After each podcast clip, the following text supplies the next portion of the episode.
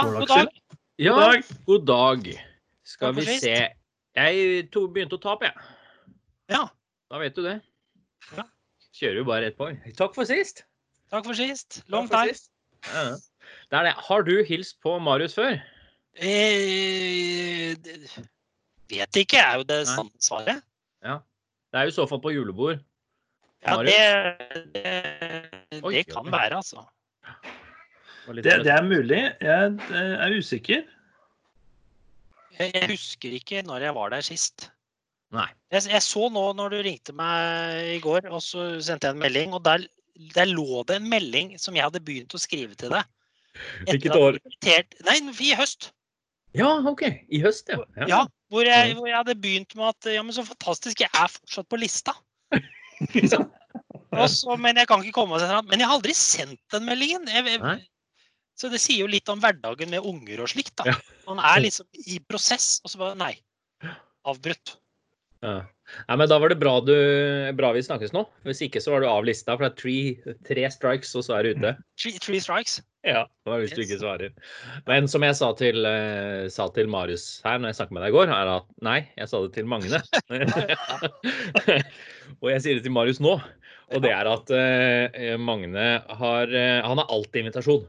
Siden han et par år har liksom reist eh, i ens ærend. Dette er da den versjonen jeg velger å høre. okay. Ja, den er ikke helt usann, skjønner du. Nei, om det var bursdag som var før dette, eller julebord, men det er ens ærend med da fra Vestlandet. Og eh, satt unger av på Kolbotn hos besteforeldre og kom hit. Eller da om det var på Bjørndal. Eh, og så Nei, var det her. Det var i Halden, ja. Ja, ikke Ja, sant? Ja, ja. Ja, ja. Og så da var det her noen timer, og så Ja, nå må jeg nesten eh, stikke, for jeg skal eh, Det var et eller annet dagen etter, eller Jeg skal, jeg skal hjem igjen før søndag kveld, liksom. Ja, ja. Imponerende. ja, det står det respekt av. Takk, takk. Men, så eh, da i hvert kan- fall Marius her. Ja. Hei, Magne. Hyggelig. I like måte. Ja. Og da, da tillater jeg meg, jeg, siden, siden hver gang vi har gjester i denne podkasten, så må det spørres har du hamstra dorull. Jeg har ikke hamstra dorull. Eh, men jeg var i butikken uh, i de tider. Altså om det var 12. mars eller Ja. det, det husker jeg ikke, men jeg var i hvert fall i butikken når dette virkelig ga gass. Mhm. Uh, og da kjøpte jeg For jeg skulle ha en agurk og en lyspære. Og jeg, jeg skilte meg mildt sagt ut i den køen da jeg sto med en agurk og en lyspære. Og de rundt meg altså det, En ting var dopapir. Det, men, men det jeg også så i den butikken jeg var, at det var mange som hamstra sukker. Altså sånne ja. tipakk med sukker. De har liksom tre tipakk med sukker. Oi. Eh, så Ja, for vi har, jo hørt, vi har jo hørt ganske mye om at gjær har blitt hamstra. Det går jo på svartebørsen nå, fikk jeg fra min bror som eh, jobber i, i dagligvarebutikk. Han spurte om vi hadde mye gjær. Og så sier jeg at vi, har, vi hadde en god ladning. Vi har som regel mye gjær i hus, da. Så at det bør du jo bare passe på bør bare passe på å få solgt. For det kan du tjene prisene er gode, ja. Ja, ja. Det er den nye oljen det nå, tror jeg. Med gjær. ja. Det er det vi skal leve av etter oljen. Ja, det er det vi skal leve av etter oljen. Men du Magne, for, for meg og for lytterne våre da, som ikke kjenner til deg, kan ikke du ta en rask kontaktannonse, så, så vi vet hvem du er? Eh, Såpass, ja. Eh, mann, mann 41. Eh, gått på en del år på skole, både her og der. Eh, tre barn. Eh, ja. Glad i Jeg liker å se på meg som litt sånn kameleon. Okay. Eh, mye tant og fjas, og ganske seriøs også. ja, Det, så den pendler litt der, da. riktig. Så det, det var en liten start. ja, veldig bra. Disse barna, er det skolealder, eller? Ja, det er skolealder. Da er vi i tredje klasse, femte klasse og åttende klasse. Riktig. Så du har fått kjent på både hjemmeskole og tidlig skolestart kontra senskolestart og litt sånn, du da? Ja. Ja. Minste har begynt på skolen nå Riktig. disse dager. Ja. Det er jo morsomt at eh, Magne sier at han også er seriøs, og det, jeg tror nå han sier det. For, men det er jo ikke min erfaring. eh, Men det, det stemmer kanskje likt. Det er ganske likt. Ja, nei, jeg har, jeg har jo et yrkesliv da, som er sånn noenlunde seriøst. Og det, jeg har jo tatt meg selv i å måtte presisere at jeg er i lønnet arbeid. Uh. Ja. Nei da, men det er det. Vi har hatt mye moro sammen, syns jeg i hvert fall. Mm. Det Vi har det. kan det jo bli mer av. Det er mange år igjen. Det er det, vet du. Vi hadde en liten eh, oppsving her igjen for noen år siden, når vi bodde i eh, Oslo eller Kolbotn-området. Ja, det var veldig bra. For Marius er det det samme. Nei, nei, nei. Jeg har lært. Jeg har lært. Mm. Eh, det, så det hadde vi hvor vi traff da vi hadde plutselig fått eh, blitt foreldre og Ja, liksom helt plutselig. Ja. Hadde litt å prate om. Og ja, vi har vel prata en del på MSN og på telefon og sånn også. Mm. Men liksom høydepunktet fra Sorry. Men eh, fra høydepunktet fra liksom eh, barndommen og ungdommen, det var jo liksom at vi eh, Mye samtaler om liksom finurlige ting. Vi har overnatta på baderom og prata der. På Ja. badegulv.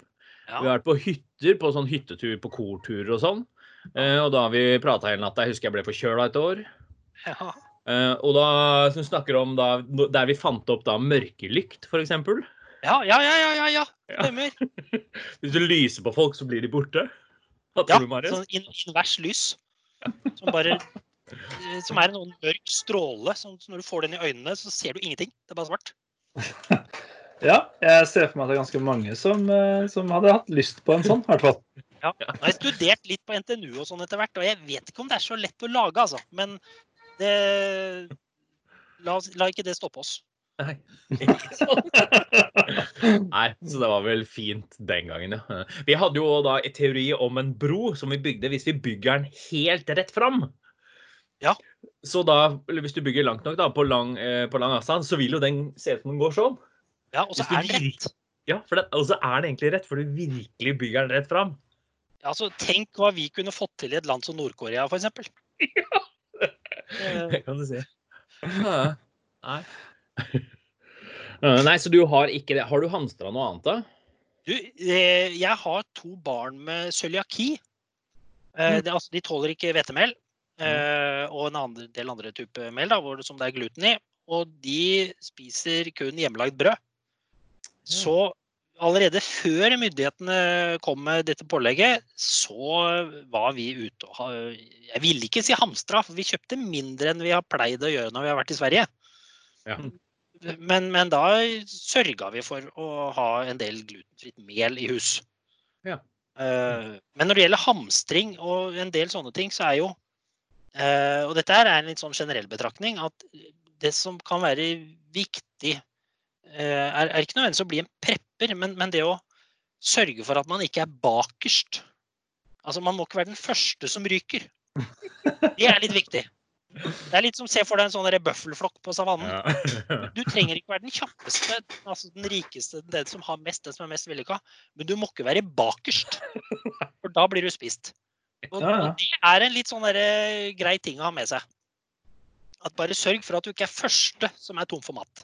Men er det ikke mye derfor, altså hvis vi tenker bare rent biologisk på hvorfor man får barn, er ikke det litt derfor? For dem klarer du å løpe fra? Ja, i en stund. Ja. jo, jo. De vokser jo til, da. Ja, ja. Men da har jo de kommet til et punkt hvor de også biologisk sett er sterkere og er den nye framtida. Ja, jeg så ikke jeg for meg at det var mine barn som skulle ta rotta på meg, da. Men, men klart det, det, Nå sådde du et frø her. Men uh... Men da blir det slutt på å løpe, løpe og slutt på å øve på fotball. Da. Så, nei, jeg har ikke hamstra øh, når det sto på. Så det er jo også interessant, for det det er jo en sånn psykologisk effekt som varer ganske kort tid. Altså Nå er mitt inntrykk, i hvert fall i mine omgivelser, at de fleste slapper ganske mye av. Mm. Mm. Altså De rusler på butikken når man trenger, og vi holder avstand og sånn, men, men vi har på en måte innfunnet oss med denne nye, kall det normaliteten, da. Mm. Mm. Men, men idet det kommer, så blir alle litt sånn Oi, hva, hva skal jeg gjøre nå? Uh, og, og da blant annet dette dorull, som jeg syns er helt merkelig greie.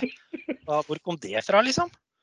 Uh, Ja, og vi har jo snakka om at det må jo Du må i hvert fall kjøpe like mye mat. Så at du, ellers er det ikke noe poeng. ja, gjerne litt mer, vil jeg påstå. Litt mer, ja. ja sånn at du får, får at det er mye som skal ut, da. Så kan du Ja. kjøpe mer dorull.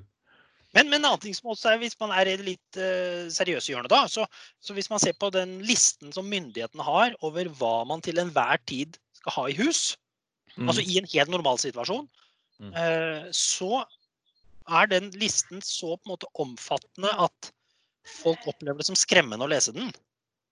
Mm. Fordi den legger til grunn, nå husker jeg ikke, jeg har ikke den i hodet, men, men om du skal ha en uke med mat eller Mm. fem-seks dager eller noe sånt nå, og det samme med drikkevann. Mm. Og en Ja, barnefamilie da, med fem stykker, og så skal du ha vann for fem dager. Det er, det er mye vann. Det er det. Eh, Så, så, så det er en litt sånn vanskelig balansegang mellom å ha litt buffer og ta høyde for ting, Mm. og det å bli hysterisk. For hvis, vi hadde, hvis dette hadde skjedd for 50 år siden, Ja. ville dette for store deler av Norge ikke vært et problem. Fordi da hadde veldig mange mye mer mat i kjelleren. Altså, de hadde mer potet, de hadde mer bær, de Mm. hadde mer syltetøy. Altså, det, folk hadde måte litt mer eh, klart for en dårlig dag, da. Mens ja. nå, de fleste av oss har en butikk som er åpen når vi er våkne, og den er 100 meter unna. Mm. Så boden, altså matbua, er jo Kiwi. Mm. Det er Ja. det som er matboden. Mm. Eh, Så vi har, vi har på en måte vent oss til en sånn veldig eh, Ja, vi trenger ikke å ta høyde for noe, vi trenger ikke å håndtere dette selv, da. Vi bare Nei, nei. skaffer det. For 50 år siden så hadde de jo også mye mindre internett, så det er ikke sikkert de hadde vært like nervøse da. Det hadde vel ikke blitt uh, like godt spredd, antagelig. Så det, det kan vel være at ting hadde løst seg på en helt annen måte da uansett. Men det er et veldig godt poeng, altså det du sier med at vi nå er- lever i en sånn konform om at uh, mat er på en måte tilgjengelig bare du drar på butikken. Ja, vi tar sant. Bare. Altså, vi som lever i den norske velferdsstaten, som jeg er en sterk tilhenger av, vi, vi, vi lever jo en veldig beskytta virkelighet. Ja, ja. Altså, vi, vi har nærmest ingen risiko. Jo, vi kan bli syke, og, og det, er, det skjer ulykker, og folk får alvorlig sykdom, og, og det er masse tragedier for all del. Men, men, men hvis du ser på en del risikoer som man har i ganske mange andre land, og som man også hadde i Norge tidligere, Mm. uh, i forhold til eh, trygghet. Altså, vi bor, det er lite det, det er ganske trygt å bo i Norge. Vi har vi er et sikkerhetsnett økonomisk. Altså, vi, vi har veldig få på en måte, seriøse risikoer i livet. Mm. Som kanskje Nå, nå tenker jeg bare mens jeg prater, Ja, eller omvendt, fortrinnsvis. Eh, og det kan også kanskje gjøre oss at vi blir litt mer usikre når vi møter en sånn situasjon. Fordi Ja. eh, Oi, dette er noe virkelig. Dette er noe Dette, er, dette er noe ordentlig. Dette, dette er ikke uh, Skal vi kjøpe nye hagemøbler, eller skal vi bytte ut bilen? Dette er noe som betyr noe. Det er Mm. seriøst. Det får Mm. konsekvens. Ikke sant? Men når folk sier at det er helt uvirkelig, men da er det ofte fordi at det er virkeligere. Ja, og det er uvirkelig i den virkeligheten vi lever i, da. Mm. Ja, det er sant. Og det er jo for det eneste liksom Du ser jo hvordan man, eh, vi behandler døden her. Det er jo noe som vi helst prøver å unngå. ja, altså, jeg var jo uh, Skrev Død? relativt tidlig Nei, jeg var ikke død. Du har jeg ikke vært. Jeg har gjort litt forskjellig, men den har jeg ikke vært innom. Bare litt. Da. Bare litt da. Bare lite grann. Eh, men, men jeg var relativt tidlig ute å kommentere på Facebook, selvfølgelig. Dette med relativt Altså når korona kom og det var snakk om dødsfall, så er det veldig fort gjort å glemme at det dør i snitt 110 mennesker i Norge hver dag. Hele Hver dag! Hver dag dør det 110 mennesker i Norge. Altså i snitt, da. Jo, jo. jo. Eh, Så hver dag hele året dør det 110 mennesker. Eh, Og nå er det vel passert 200 av korona i Norge. Og, og man skal ikke harselere med det, på ingen måte. Man skal ha respekt for det. Men, men samtidig så er det noe med at eh, Det er det da det samme som du dør på to dager. Eh, hele tiden, hele året. Eh, det er det vi nå har gjort alt dette styret for. Så, så, så, så vi, vi vi, vi håndterer på en måte ikke dette helt likt. Altså det, er, det er noe med Noen dødsfall er verre enn andre, og, og dette her er nok Det skaper nok en frykt, fordi vi opplever at det kan ramme oss alle. Samtidig er det litt sånn irrasjonelt, fordi eh, Ja, så vi distanserer oss litt fra denne virkeligheten, da. Mm. Jeg vet ikke om dette ga mening, men eh, Jo da, nå er vi allerede der jeg har snakka om i denne podkasten en god del tidligere. Eh, for jeg har også sagt det at vi kommer til å komme ut på den andre siden av dette her eh, og si, fordi det er sånn vi mennesker tenker. Og her fikk vi jo det første beviset, da, om jeg skal være så, så frekk å si det. eh, På at ja, men det har jo ikke dødd så mange. altså Det var jo ikke så mange som ble syke. Dette her gikk jo helt bra. Hvorfor gjorde vi alt dette styret? Men er det ikke nettopp fordi vi gjør dette styret at det faktisk går så bra? Se på de stedene som ikke har gjort dette styret, liksom. Jeg er helt enig. Men vi kan gjøre dette styret med eh, altså Her kommer en sånn personlig lite horn. da, altså Media er jo en gjeng uh, som er vanskelig å få helt tak på. Uh, jeg tror jo egentlig at folk flest er mer avslappa enn det overskriften gir inntrykk av. Men, men det, det er ikke sikkert stemmer, da. Men, men mitt poeng er ikke at vi ikke skal gjøre tiltak. Eller at korona ikke er alvorlig. Altså, jeg har ikke noen kompetanse til å vurdere det, men jeg har ikke noen grunn til å tvile på, på det som sies. Og det tallenes tale fra Italia, USA og andre land er jo ganske klar. Mm. Eh, Så at disse tiltakene er viktige og har effekt, ja. Samtidig så er det den diskusjonen som går på en rundt det med eh, Altså den omfattende frykten, da. Mm. Eh, og, og den tenker jeg at Altså frykt er jo ofte ikke helt rasjonell, men, men det er noe med at vi, vi, vi bruker litt sånn forskjellig målestokk. Altså vi, det, det er litt det samme som at jeg er ganske redd for å fly. Mm. Liker ikke å fly. Eh, flyr masse i jobben, liker ikke å fly. Uh, Drikker mye, da. Mm. Drikker mye, da. nei, lite. Det er ikke det, ja. Mm. Ja, der har du det. uh, poenget er at uh, framfor å fly et lite fly fra en uh, småflyplass, så vil jeg velge å kjøre en time i bil til en større flyplass. Uh, og det er jo helt ulogisk, for den der kjøreturen i bil er jo vanvittig mye farligere Mm. enn den flyturen. Så, så, så, så rasjonalet tilsier at jeg burde tatt den korte kjøreturen og flydd med det lille flyet, mens jeg vil velge å den lange kjøreturen, som statistisk sett er livsfarlig i forhold til den flyturen. Mhm. Fordi det oppleves tryggere. Og litt sånn tror jeg den frykten rundt korona også kan være.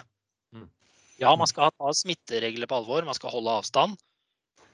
Men gjør man det, så er det bare et virus, altså. Det er ikke fanden selv som er ute og går.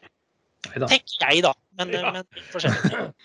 Um, så, så det er jeg veldig enig i. Eh, samtidig da, så skal vi ikke helt undervurdere denne fryktsaken, for det er eh, det, det er noe med den der uvirkeligheten, som du sier, som jeg tror kanskje setter seg litt hardere i en del mennesker enn det eh, de som tenker rasjonelt, sånn som det virker som du gjør i forhold til eh, selve koronasituasjonen. på gode dager, i hvert fall. Ja. Ja, ja. ja, det kan du jo si. eh, Alle av oss opplever litt ulike dager nå i løpet av den perioden her. Eh, Men vi var litt inne på det i en av disse episodene vi hadde tidligere, hvor på en måte, altså, enig i at frykt er irrasjonelt. Samtidig så skal man kanskje ikke helt kimse av. For en del så er den frykten relativt påtagelig da, i denne situasjonen her. Absolutt. Og frykten er reell. Ja, Eh, og, og mi, min eh, innspill er, er ikke at fry, frykt er tull, frykt er feil. Ja. Eh, men, men jeg tror det er viktig å altså Poenget med disse, når jeg sammenlignet disse dødstallene, var det at eh, korona løftes opp i bevisstheten, som gjør at vi reflekterer over forhold som nok er der hele tiden Mm. men som vi til hverdags ikke reflekterer over. Så, så, så det resonnementet leder vel kanskje fram til at vi burde vært frykta mer hele tiden. Eh, men, men, men, men ikke nødvendigvis så mye pga. korona. Men, men, altså, livet er ganske farlig, og det er usikkert. Mens nå blir vi mer oppmerksom på det. Mm. Så, så, og, og dette med frykt og folks reaksjoner og reaksjonsmønster generelt er jo utrolig viktig altså, eh, å forstå når disse eh, retningslinjene og stenging av skoler og forskjellig blir iverksatt. Eh, har jeg tenkt da, fordi Noen har jo kritisert at myndighetene har gjort sånn og slik, eller de har stengt, eller de har ikke stengt, eller gjort forskjellig. Og, da er jo, og så sammenligner man det da med myndighetenes råd. Hva sa mynd, eller ikke myndighet, altså med fagmyndighetenes råd. Helsemyndighetene. Og det er jo problemet det at eh, vi, vi i Norge er vi jo ikke så mange, men vi er jo tross alt eh, fem millioner eller fem og en halv. Mm. Uh, og én ting er å gi en detaljert instruksjon. at jo, rent teknisk sett ut fra en leges synspunkt, så kan vi gjøre sånn, sånn, sånn og sånn. Men så er det å få 5,5 millioner folk i alle mulige aldre og forskjellige livssituasjoner til å på en måte følge en sånn komplisert instruks, tror jeg er rimelig håpløst. Da, Det har jo fått bevist. det har vi fått bevist. Og det, det, er på en måte greit, tenker jeg. Vi er folk. Vi er, så, så da må man lage litt sånne, kall det stramme og harde retningslinjer. Fordi du skal få hele massen Ja. til å på en måte reagere, da. Mm. Da blir nyans- du, du kan ikke lage masse nyanser. At, eh, jo, i Fredrikstad gjør vi sånn, og i Sarpsborg gjør vi sånn. Og så, men på Gjøvik nei, da gjør vi litt annerledes. Mm. Det blir krevende, da. Mm. Så da blir det sånn ikke dra på hytta. Ingen får lov. Ingen får lov å dra på hytta. Ingen får lov.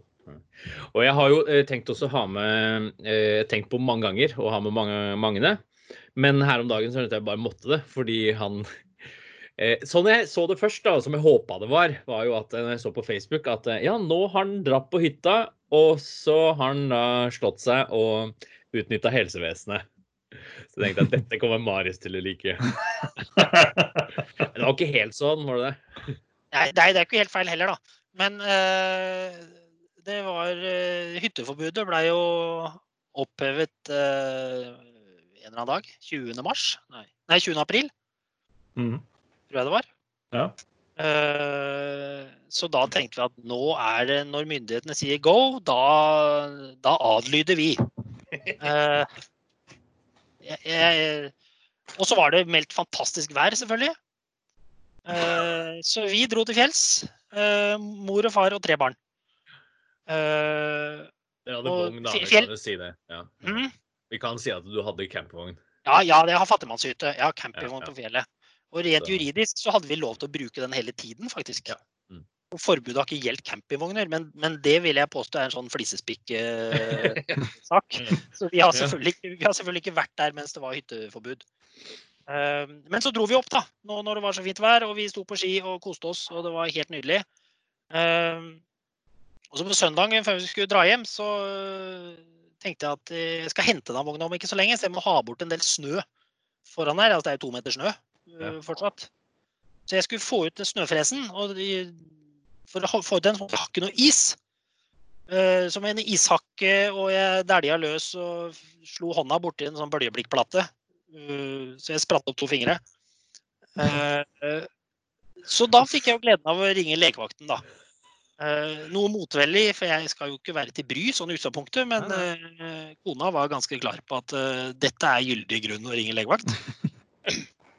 Og det som da var interessant, var at når vi kom på denne legevakten på Hovden eh, Bli hyggelig, lege. Der var det Jeg tror aldri jeg har sett et mer dødt sted. Altså, der skjedde det absolutt ingenting. Så, så til mitt forsvar så kan jeg si at jeg har i hvert fall ikke tatt plassen fra noen. Nei, Men, men det som, jeg, som var det ironiske, var at eh, jeg, jeg er jo da han idioten som dro til fjells og, og måtte belaste helsevesenet. Uh, og, og det er jo deler av poenget med det forbudet. Var jo ikke ikke gjøre det, men forbudet gjaldt jo ikke lenger, så da tenkte jeg at da er det grønt lys. Det var jo bra at alle ikke tenkte som deg, da. At de tenkte nå skal vi bruke helsevesenet. Ja, det var bra. Det var bra. Men de har jo faktisk sagt, eh, det sa jo han legen også, at de eh, opplever De mistenker at det er folk som ikke ringer legevakta. Som burde ringt legevakta. Ja. Fordi de er redde for å måte, være i veien for korona. Det er ikke jeg sier for å forsvare meg sjøl, altså, men, men, men, men de var ganske tydelige på det. At de mistenkte at uh, For det skjedde ingenting. Det, var liksom, det, er ingen som, det skjer ingenting. Ingen er dårlig av noe som helst. Uh, og det hadde han litt vanskelig for å tro. Nei, det trodde han ikke at stemte. Nei, men det var jo bra at kona di var med, da. Hæ? Ja, ja, og han ble jo veldig glad, han, nei, han legen. Når han, uh, ut fra dialekta så kunne det høres ut som jeg kom fra Oslo, f.eks. Ja. Mm. Uh, og der er det jo ganske mye korona. Ja. Eh, så jeg da kunne fortelle at nei, jeg bor på et sted hvor det er knapt korona i det hele tatt. Så det, det var et pluss i, pluss i margen. Ja. Det er det. Så du la ikke om til telemarkdialekt? Nei, ikke Telemark eller Vestlands eller noen ting. Eh, Ja, Hvor er det du bor hen? Jeg glemte å spørre om. jeg bor på Stord. Ja.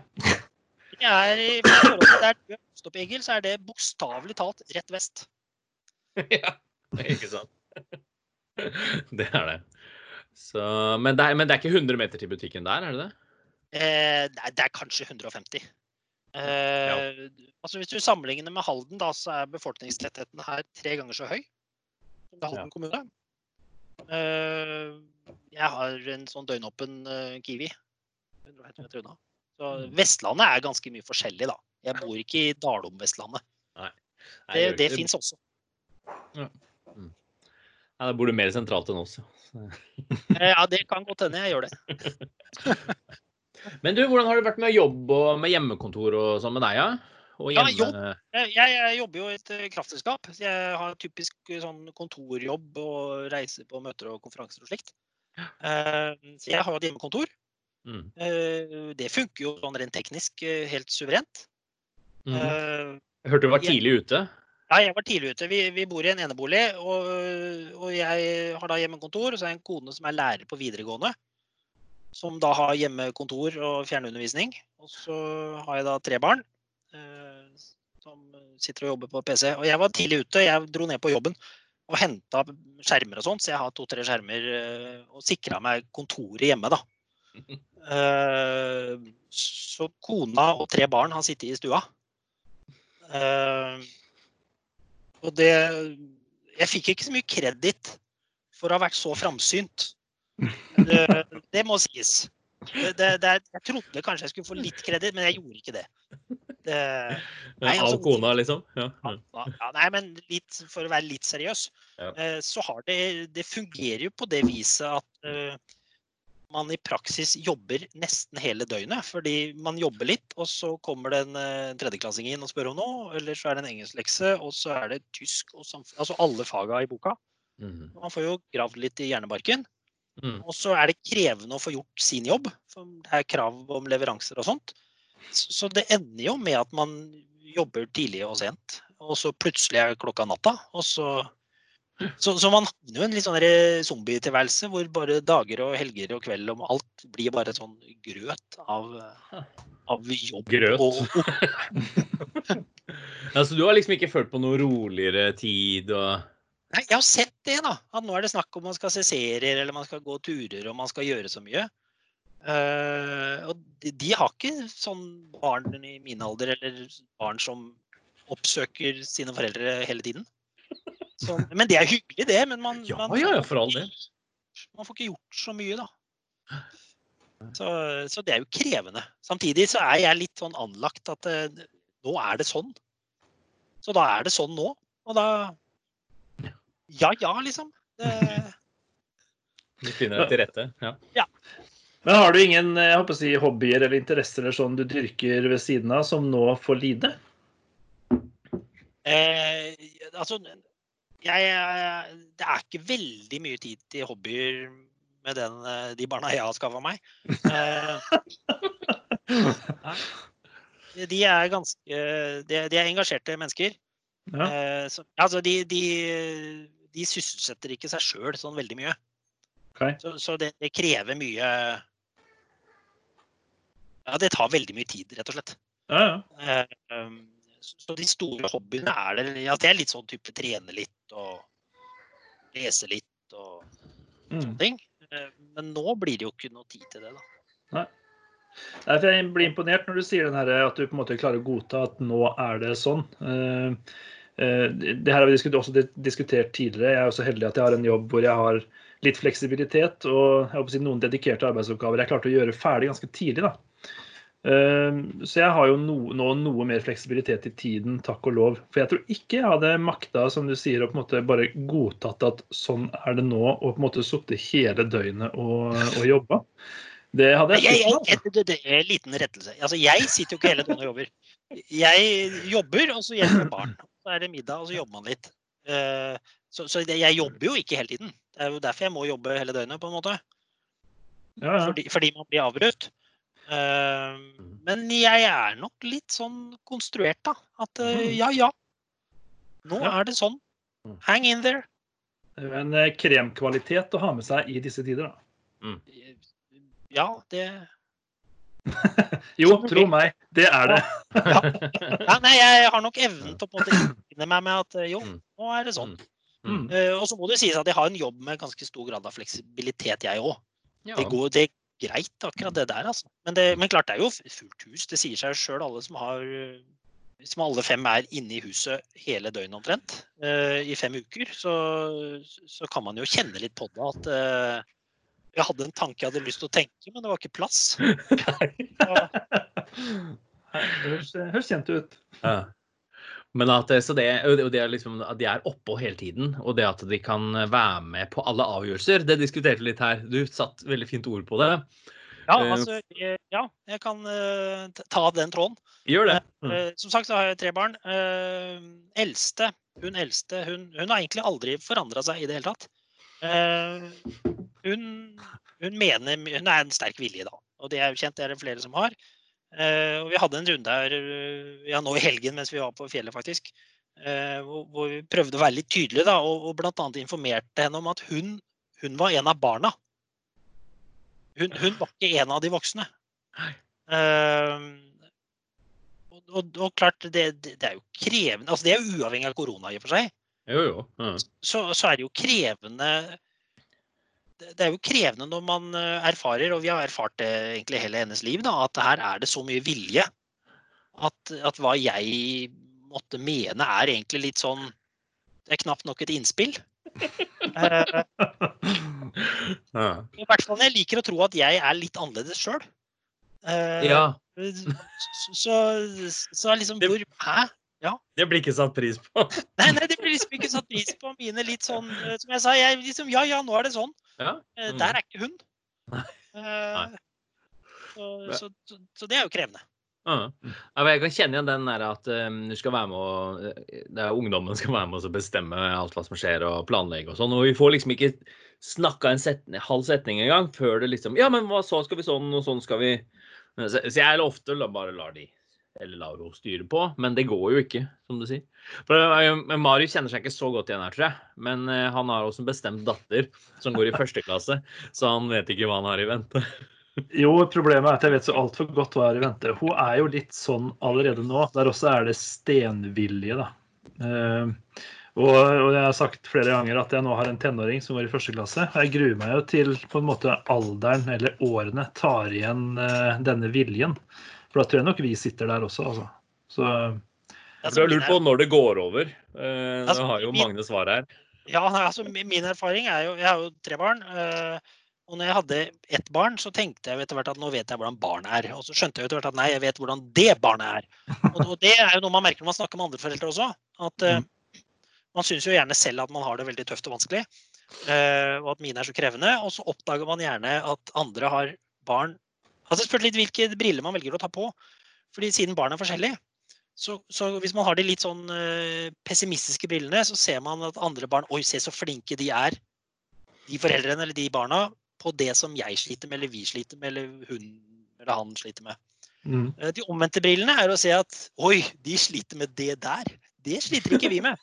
uh, Mm. så, så, så det er noe med å Ja, jeg, jeg tror man må liksom slappe litt av med at uh, Ja, igjen kommer den ja ja, sånn er det.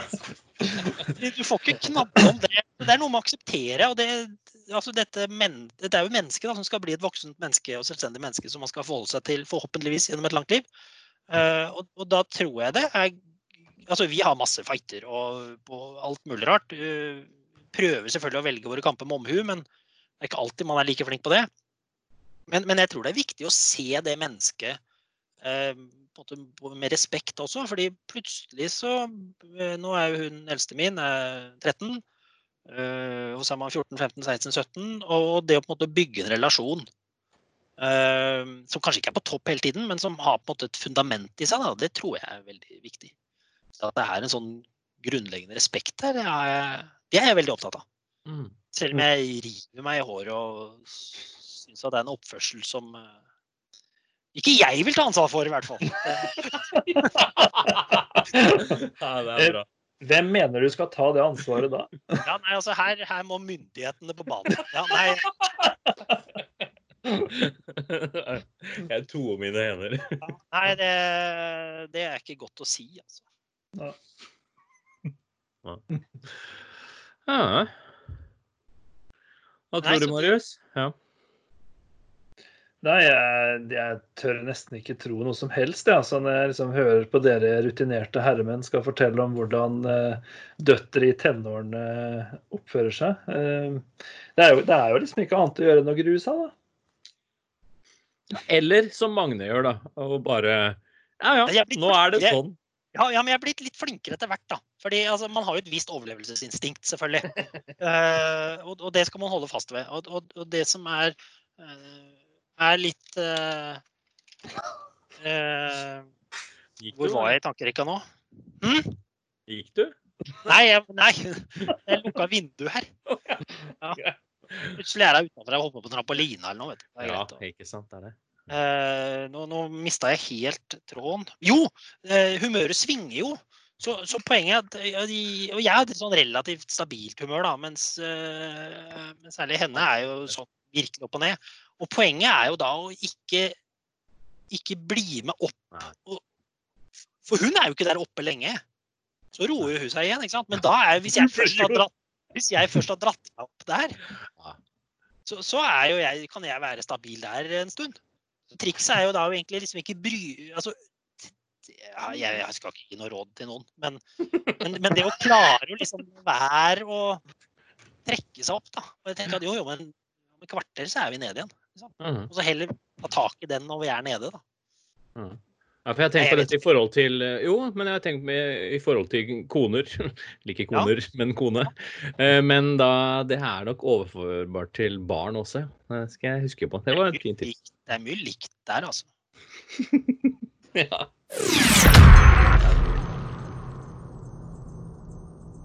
Men en ting i forhold til korona, som jeg også Ja. syns er litt interessant i forhold til frykt og opplevelse, så tenker jeg at det, det har jo litt å si eh, hvilke omgivelser man er i. Fordi eh, jeg sjekka i går, eh, og da tror jeg det var eh, noen og 30 smitta i Halden med Mm. korona. -hmm. Eh, her på Stord så er det seks stykker. Wow. ja. Eh, ikke sant? Ja, du, du, er liksom, du vet at det er han, han og så hun. Eh, og, og det tror jeg gjør noe med opplevelsen av det, kontra hvis du bor i en leilighet i fjerde etasje i Oslo. Uh, altså, og du har ikke noen mulighet til å gå ut i egen hage. Du, det er mange flere smitta rundt deg. Altså, det gir en helt annen opplevelse av situasjonen. da Mm. enn hvis du bor i et, på et sted hvor du opplever at jo, her er det nå noenlunde greit og rolig. Og de, se- de seks sitter jo fastknytt sammen ute på moloen, ikke sant? De, har vi, de står utpå der, ja. Ja. Vi har ikke tatt bort sånn gapastokken eh, for den. Nei, ikke sant. Men eh, vet du hvordan det er med testing bort på Stord? Altså er det mange som blir testa? Eh, det blir Ja, det sjekka jeg også i går, faktisk. Eh, Og det var like mange på Stord som i Halden som har testa, Ja. Eh, men det er jo ikke veldig mange. Nei, det overrasker meg nesten litt hvor, eh, hvor lite antallet testa er. Altså på landsbasis, rett og slett. Eh, Ja, om, det er er, det ganske- ja, om det er manglende testutstyr eller om det er en bevisst strategi, det er jeg litt usikker på. Men eh, jeg merker at jeg blir overraska over tallet hver gang jeg leser det, at ikke flere er testa. Nei, det er ganske få. Så Ja. det klart det må være et kjempepoeng å få opp den testkapasiteten. Ja, definitivt. At man kan teste litt sånn over en lav sko. For da kan man nok slippe mer opp. For, for poenget da er at man kan stanse det ganske fort når det oppstår. Mm. For det er, det er jo i og for seg ikke et samfunnsproblem at noen får korona. Det er et samfunnsproblem at 50 000 får korona på en gang. Det, det er jo Mm. det som er problemet. Ja, ja. Men det er jo også litt, disse testene er jo ikke bare å smøre smør på brødskiva heller. Da. Det er jo en, eh, for det første så er jo utgangspunktet litt uheldig med tanke på at du omtrent må ha en strikkepinne til å kile bak i lillehjernen for å få tak i dette stoffet her. Ja. Og så viser det seg jo at hvis dette funker jo bare i en nøyaktig periode av, i tidlig forløp, da, smitteforløp, for ellers så må du få testa lungene. Ja. Og jeg snakka med en sykepleier altså senest i dag eh, tidlig, eh, som eh, nå jobber med å isolere barn som har blitt smitta i barnehage. Ja. Eh, og da skal gjennomføre tester på dem. Og som han sa at Det store problemet vi opplever nå, det er at vi kan bruke opptil to timer bare på å få testa et barn. For en treåring som får denne kjeppen opp mot neseboret, han er ikke spesielt interessert, altså. Mm. Nei, da må du ikke være redd for å bruke kraft. Altså ikke Nei, på pinnen, men på å holde igjen. Ja. Ja. Nei, absolutt ikke. Det, det, det kan du ikke. Så, nei, men det er krevende. Det er kjempekrevende. Kjempekrevende. Så det, er, det er Så- mange sånne småfaktorer som også forverrer disse testene litt. Da. Det er på en måte ikke bare å spytte i en kopp eller eh, ja, ta en urinprøve, liksom. Det hadde jo gjort det litt enklere. Det hadde gjort det mye enklere. Det var også noe jeg var overraska over når jeg var på legevakta. Eh, For der brukte faktisk legen ikke munnbind. Nei. Nei. Det, det ville jeg tippa at de gjorde. Men eh, Mm. Ja, samtidig så jeg, jeg sa jo at jeg var symptomfri, men jeg, jeg, jeg er jo ikke noe lege. Så Nei. Nei, nei, men altså, du, du vet jo ikke hvem du får inn på Nei, legevakta. nei, nei, det gjør ikke det. Jeg var litt overraska over at når jeg sa at eh, nei, jeg er helt symptomfri og har vært det hele tiden, så var det bare tut og kjør.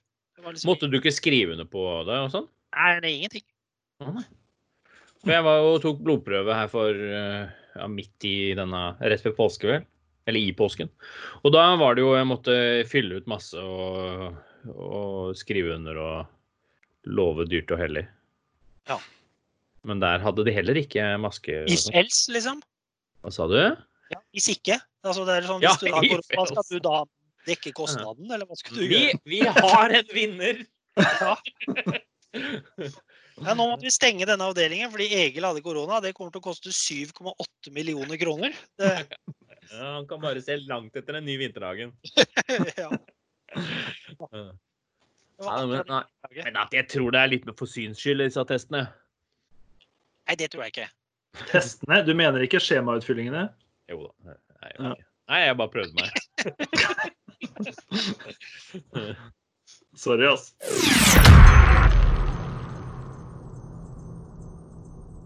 Jeg har jo også en hypotese om at vi mennesker vi er utrolig dårlige på å takle overskudd. Vi takler ikke overskudd av ressurser øh, eller tid. Altså Har vi for mye ledig tid, så må vi, vi må gjøre noe. Har vi, Nå snakker jeg ikke om enkeltindivider, nå snakker jeg mer om Ja, ja. gruppe. da. Det er selvfølgelig unntak og sånt. Men, Jo, ja. men, men vi, vi klarer på en måte ikke har vi, Får vi god råd, så må vi bygge vinterhage. Eh, Får vi penger til overs, så, så skal vi pusse opp, vi skal reise, vi skal ha ny bil, vi skal eh, kjøpe et større hus. Har vi ledig tid, så, så melder vi oss på noe. Og det i seg selv er det er ingenting av dette som er feil, da, men det er igjen liksom summen av det hele. At vi, vi klarer ikke å se sånn som i Norge, da, hvor vi, mange av oss er litt sånn på den grønne gren. Eh, sånn i verdenssammenheng og historisk sånn tids i historisk sammenheng, ja, det så klarer vi på en måte ikke å si at ja, men jeg har faktisk nok. Mm. Jeg, jeg, Jeg har nok. jeg velger å jobbe 80% Noen gjør det selvfølgelig, men veldig mange Vi må liksom ha mer, og så er det en ny duppedings vi vil ha, eller det er ny ja, hobbyer vi driver med. Det, Mm. Vi, så overskudd det gjør at vi, vi, måte, vi gir gass hele tiden. da. Mm. Det tror jeg har med at vi er sånn jeger- og samlefolk som alltid hadde underskudd på alt. Så det var jo bare å samle bær og jakte så mye du klarte det. For da overlevde du kanskje. Mm. Så fortsetter vi med den jakten, da. Selv om Ja, ja. sånn lageret vårt er stappfullt. Ja. Så løper vi ut på jakt. Jo. Her skal, det, her skal vi ha mer. Ja. Ja, det ligger noe i den der mye vil ha mer, altså. Det gjør det. Og vi er, vi er jo et bortskjemt folkeslag, spesielt her oppe i Vesten. Hvor vi som sagt sitter veldig godt i det, hvor eh, begge parter det, Altså eh, begge parter i et forhold som regel jobber og eh, har da godt, som du sier, med økonomi. Noe som eh, ikke nødvendigvis frigjør tid, men som gjør at man kan kjøpe seg tid eller sånt noe til de tingene man har lyst til. Og da Ja, det spises opp veldig vi- fort. Ja, og Ikke at alle vasser i overflod, men, men vi på en måte vi, de fleste av oss har ikke på en måte sånne basale bekymringer. Nei, nei, nei. Vi har det for godt, selv om du som du sier, ikke, vi ikke flyter over i overflod. Jeg, jeg, brukte akkurat den samme hypotesen på en diskusjon jeg hadde med noen venner om eh, hvorfor det norske landslaget i fotball aldri gjør det bedre. Ja, Eh, og jeg, da brukte jeg nøyaktig samme hypotese, men de har det altfor bra. Altså eh, Gutta i Brasil da, som kommer på det brasilianske landslaget, har flaksa rundt foreldreløse på gater, og det største håpet deres for å overleve er å bli så god i fotball at du kan tjene penger på det. Ja. Mens en nordmann har jo aldri kjent på den følelsen i det hele tatt, liksom. Nei, og så kan du Jeg er ikke uenig. Eh, og så kan du også få noen effekter som går på det motsatt. At den overfloden gjør at en fotballspiller eller en annen idrettsutøver kan ha en pur indre glede Ja, ved det man gjør. Altså, det er ikke snakk om livsnødvendighet for å forsørge slekta. Jeg har ikke den, de har ikke den vekten på skuldrene mine. Mm. Eh, så man kan på en måte slippe seg mer løs, da. ja. ja. Eh, Men har du noen eksempler der? Ja, det går Nå er jo jeg finnes jo ikke interessert i fotball, så det er jo ufint å spørre om. Eh, ja, men hvilken som helst idrett. altså Det er appliserbart på enhver idrett. men, sånn men, men jeg tror kanskje at den effekten du nevner, er, er mer dominerende enn den jeg nevner. Og det tror jeg også kan eh, være litt interessant for samfunnet som helhet. da, fordi man snakker om at i Norge så er liksom det viktigste vi har, det er arbeidsfolk og hjernekraften. Eh, Men, men du, du bekjenner deg på en måte til andre raseteorier enn jeg liker å høre til. Hvis du mener at det norske folk har bedre utvikla hjerner enn folk i India, f.eks. Så, så det er en litt spesiell hypotese å si at jo, siden vi er 5000, nei, 5 millioner nordmenn med så gode hjerner, så kommer vi til å skape så mye arbeidsplasser. Eh, at det er en milliard i India. Nei, men det er indier. Nei, jeg jeg er litt usikker på hva som er resonnementet der, da. Jeg, jeg, jeg, tror det er, jeg tror det også er viktig for oss for arbeidslivet og samfunn da, uh, å være obs på den risikoen. Ja, vi vi Ja. blir fete og late. Mm. Mm. Og du klarer ikke å ha det så godt som vi har det uten å bli litt feit og lat. Ja, Nei. Mm. Uh, Det er luften vi puster i, på en måte. Jeg er veldig enig med deg i akkurat det, altså. Sagt som en litt sånn halvfeit og lat eh, Ja, men jeg liker å se på meg selv som at nei, jeg jobber og jeg tar ingenting for gitt. Og jeg, men, men hvis du liksom måler alle parametere mot folk som sliter i verden, så har jeg jo det så godt at det er jo, man blir jo flau og kvalm av mindre. Ja, ja. Ja. Ja, det var en lystig avslutning på den. Ja, ja, ja. Oi. Ja. Ja. Yes. Men da sier vi takk for i dag. Det var hyggelig. Takk til deg, Magne. Og hyggelig å bli invitert. Og takk til deg, Marius. Bare hyggelig. Jeg har ikke noe valg, jeg. Sitter her. yes, da sier vi at dette var nettopp eh, nok en episode fra The Lockdown. Ha det bra!